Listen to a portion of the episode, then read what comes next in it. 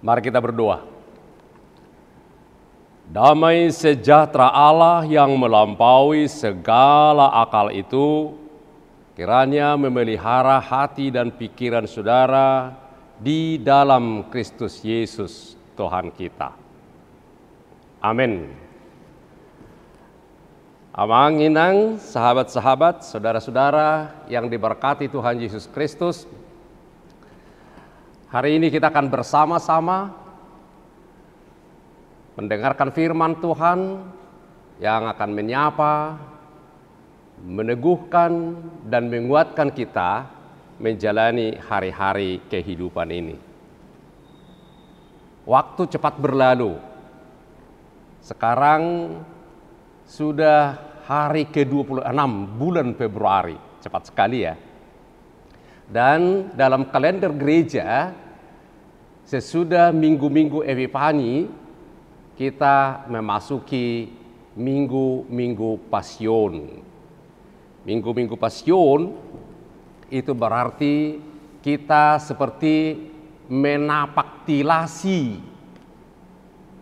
perjalanan penderitaan Yesus. Jadi ada beberapa minggu uh, berturut-turut kita memasuki minggu-minggu pasion di mana kita mengingat, mengenang, dan belajar dari masa-masa pasion Yesus.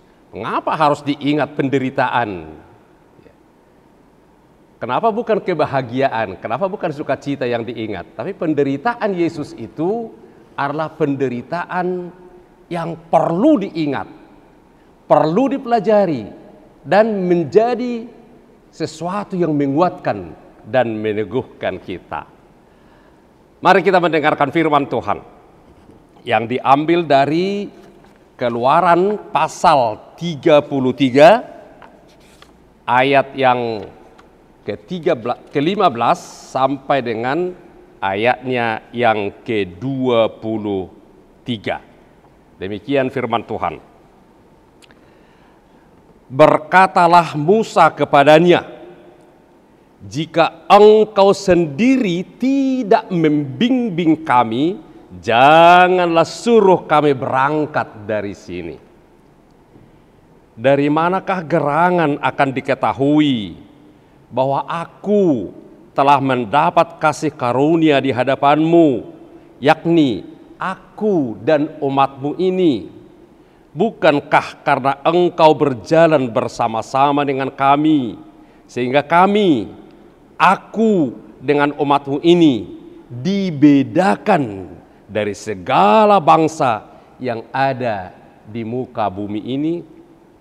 Berfirmanlah Tuhan kepada Musa, juga hal yang telah kau katakan ini akan kulakukan karena engkau telah mendapat kasih karunia di hadapanku dan aku mengenal engkau. Sekali lagi,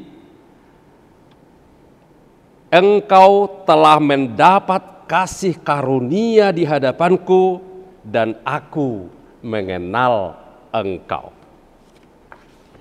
Tetapi jawabnya, perlihatkanlah kiranya kemuliaanmu kepadaku. Tetapi firmannya, aku akan melewatkan segenap kegemilanganku dari depanmu dan menyerukan nama Tuhan di depanmu aku akan memberi kasih karunia kepada siapa yang kuberi kasih karunia dan mengasihani siapa yang ku kasihani. Lagi firmannya, engkau tidak tahan memandang wajahku, sebab tidak ada orang yang memandang aku dapat hidup. Berfirmanlah Tuhan, ada suatu tempat dekatku, di mana engkau dapat berdiri di atas gunung batu. Apabila kemuliaanku lewat, maka aku akan menempatkan engkau dalam lekuk gunung itu, dan aku akan menudungi engkau dengan tanganku sampai aku berjalan lewat. Kemudian Aku akan menarik tanganku dan engkau akan melihat belakangku, tetapi wajahku tidak akan kelihatan. Demikian firman Tuhan. Saudara-saudaraku yang diberkati Tuhan, kita katakan tadi bahwa kita sedang memasuki minggu-minggu pasion, mengingat, mengenang, mempelajari dan menarik pelajaran dari pasion, dari penderitaan yang telah dilalui Yesus.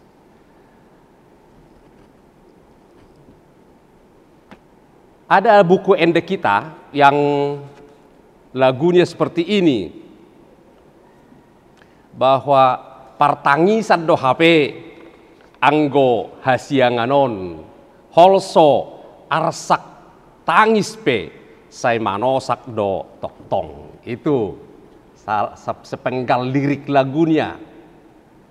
Hidup ini adalah penderitaan dalam hidup ini, bukan hidup ini bukan penderitaan. Hidup dalam hidup ini kita akan berhadapan dengan macam berbagai macam penderitaan, gitu ya. Tidak ada orang yang melepas yang bisa bebas dari penderitaan. Setiap orang akan mengalami penderitaan. Itulah yang kita sebut passion. Setiap orang akan menghadapi pasionnya sendiri. Gak ada yang bisa bebas. Tapi sayangnya memang justru meski itu kita tahu orang tidak pernah mempersiapkan diri bagaimana menghadapi penderitaan, bagaimana menghadapi passion, tapi justru bagaimana menghindar dari penderitaan.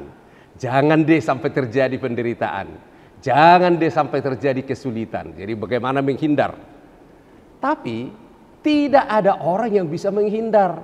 Jadi karena itu yang kita butuhkan bukan usaha, bukan hanya usaha untuk menghindar, terutama bagaimana kita memprepare, bagaimana kita mempersiapkan diri sehingga kalau kita diperhadapkan dengan penderitaan itu, kita akan bisa menghadapinya seperti yang dilakukan oleh Yesus Kristus. Itu makanya kita belajar pasion dari Yesus. Karena satu-satunya yang telah melewati penderitaan itu dengan tekun, dengan tabah, dan berhasil menang gemilang itu hanya Yesus. Penderitaan sesakit, sepahit, segetir, sepedihnya yang bisa dibayangkan oleh manusia telah dilalui oleh Yesus. Dan dia menang. Dia tidak pernah menyerah, dia tidak pernah hands up, tidak pernah mundur, tidak pernah gentar. Dia hadapi pasionnya dengan berani dan berhasil. Itu makanya kita perlu belajar dari pasion Yesus. Dari firman hari ini apa hubungannya dengan pasion kita? Nah, si Musa dalam cerita ini dia menghadapi pasionnya memimpin Israel keluar dari Mesir menuju tanah perjanjian. Ada pasionnya sudah kita sampai cerita firman ini udah banyak pasion yang dihadapi. Ada sungut-sungut lah, ada orang mau lemparin dia lah, dan macam-macam. Dia hadapi semua pasion itu untuk menuntun, untuk membimbing Israel agar bisa sampai ke tanah perjanjian. Nah, kita Sahabat-sahabat, amang inang, saudara-saudara yang diberkati Tuhan, apa pasion kita sekarang? Apa pergumulan yang sedang kita hadapi? Apa masalah yang menekan kita? Apa persoalan-persoalan yang membuat kita, yang membuat sahabat, membuat amang tidak bisa tidur atau gemetaran atau jantungnya deg-degan? apa pun itu. Tugas kita sekarang bukan bagaimana lari dari pasion, tapi bagaimana kita menghadapinya. Belajar dari Musa di sini.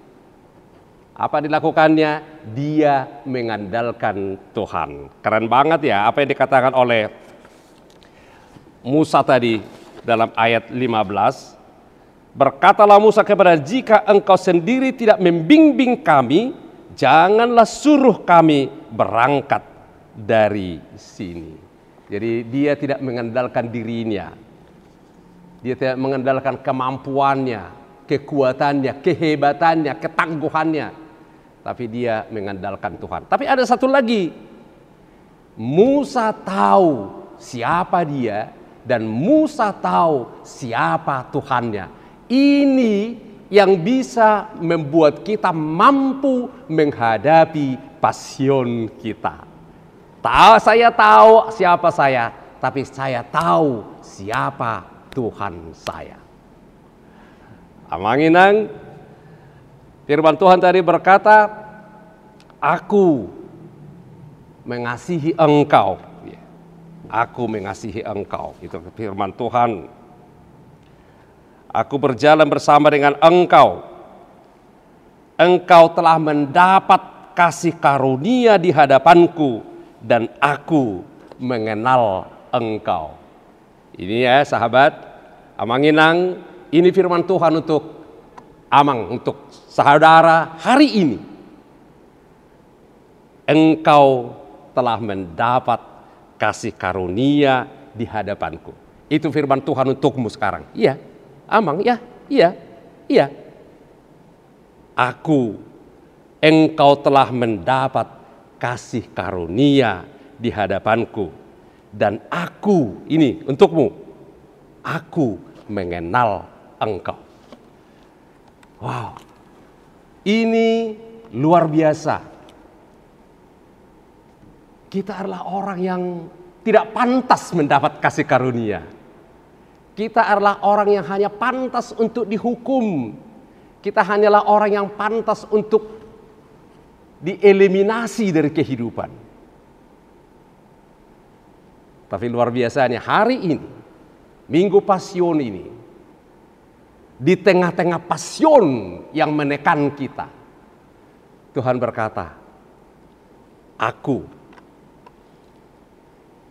mengenal engkau. Engkau mendapat kasih karunia di hadapanku. Wow. Jadi bukan murka ya. Bukan kemarahan, bukan dicuekin, tapi mendapat kasih karunia. Jadi kalau kita ikuti tadi cerita ini, wow, luar biasa kasih karunianya. Diberi kesempatan melihat Tuhan Walaupun nggak bisa lihat wajahnya karena tidak ada orang yang bisa lihat wajah Tuhan hidup. Tapi Tuhan memberi kesempatan kepada Musa, memberi kesempatan kepada setiap kita melihat kemuliaan Tuhan. Karena dia mengasihi kita. Dia tidak membinasakan kita. Tapi dia mengasihi kita, kita memperoleh kasih karunia daripadanya. Karena itu, minggu-minggu pasion ini mau mengajar kita untuk melihat penderitaan pasion-pasion yang mungkin kita hadapi bukan sebagai kemarahan, bentuk kemarahan Tuhan, bukan sebagai bentuk murka Tuhan, tapi itu adalah proses perjalanan yang harus saya lalui agar saya bisa menjadi diriku yang terbaik. Be the best of you. Agar bisa menjadi the best of you, the best of us, kita harus menghadapi pasion kita dengan berani. Dan pasion ini, seberat apa pun, kita bisa hadapi kalau selalu ingat, selalu Katakan kepada diri sendiri, aku mendapat kasih karunia dari Tuhan. Aku telah mendapat kasih karunia di hadapan Tuhan. Tuhan mengenal aku dengan baik. Dia tahu kalau dalam Mazmur 103 ayat 14 dia tahu siapa kita dia tahu bahwa kita adalah debu. Dia tahu. Jadi aku mengenal engkau. Kita itu hanya debu yang tidak berdaya.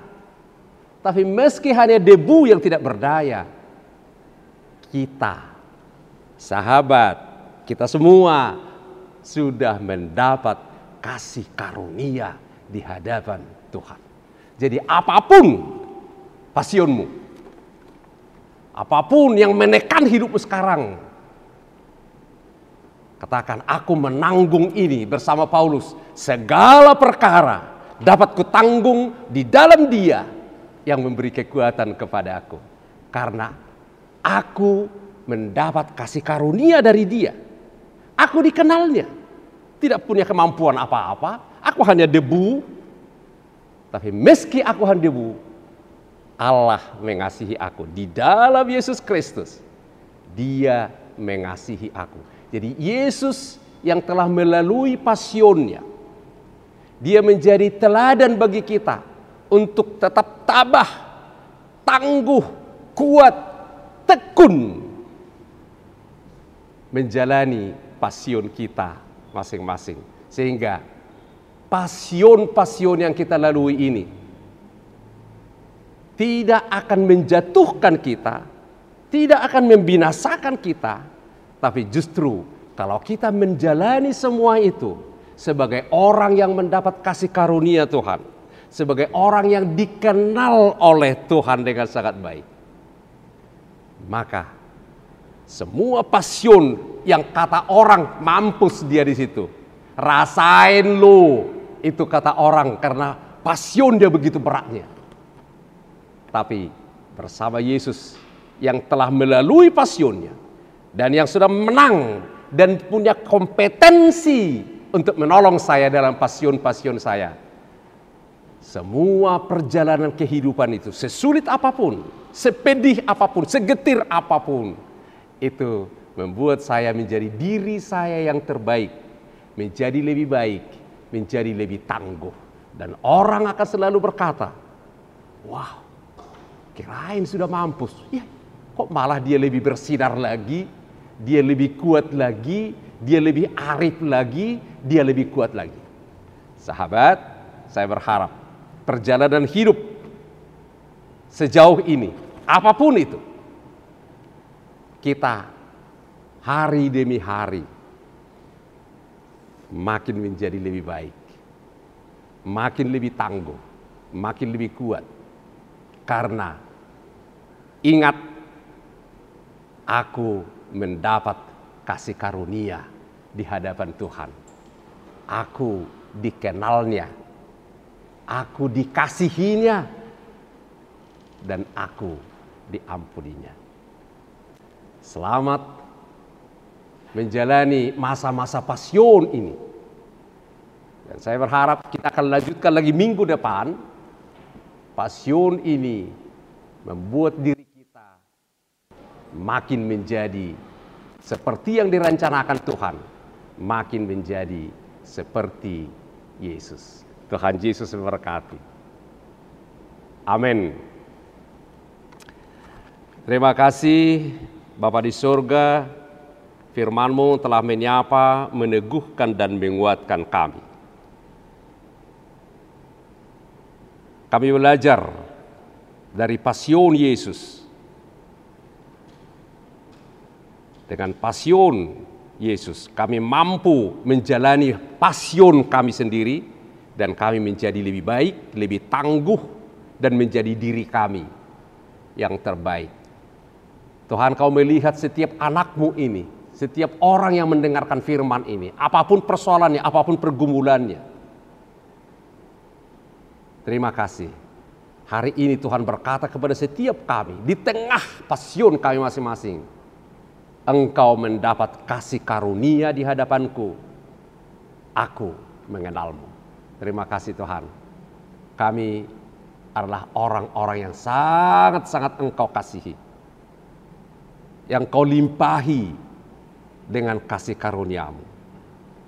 Persoalan sehebat apa pun, kasih karuniamu cukup untuk kami. Sehingga kami mampu menjalani hidup ini memberikan kontribusi yang bermakna, yang berarti bagi hidup dan kehidupan ini. Berkati setiap orang, berkati pemerintah kami, berkati negara ini, berkati pelayan-pelayanmu di mana pun di seluruh dunia. Berkati setiap orang tua, setiap guru, agar mampu memberikan didikan dan ajaran yang mendorong setiap orang mampu menghadapi pasionnya bersama dengan Yesus. Terima kasih Tuhan Yesus. Dalam namamu kami telah berdoa, bersyukur dan berserah. Amin.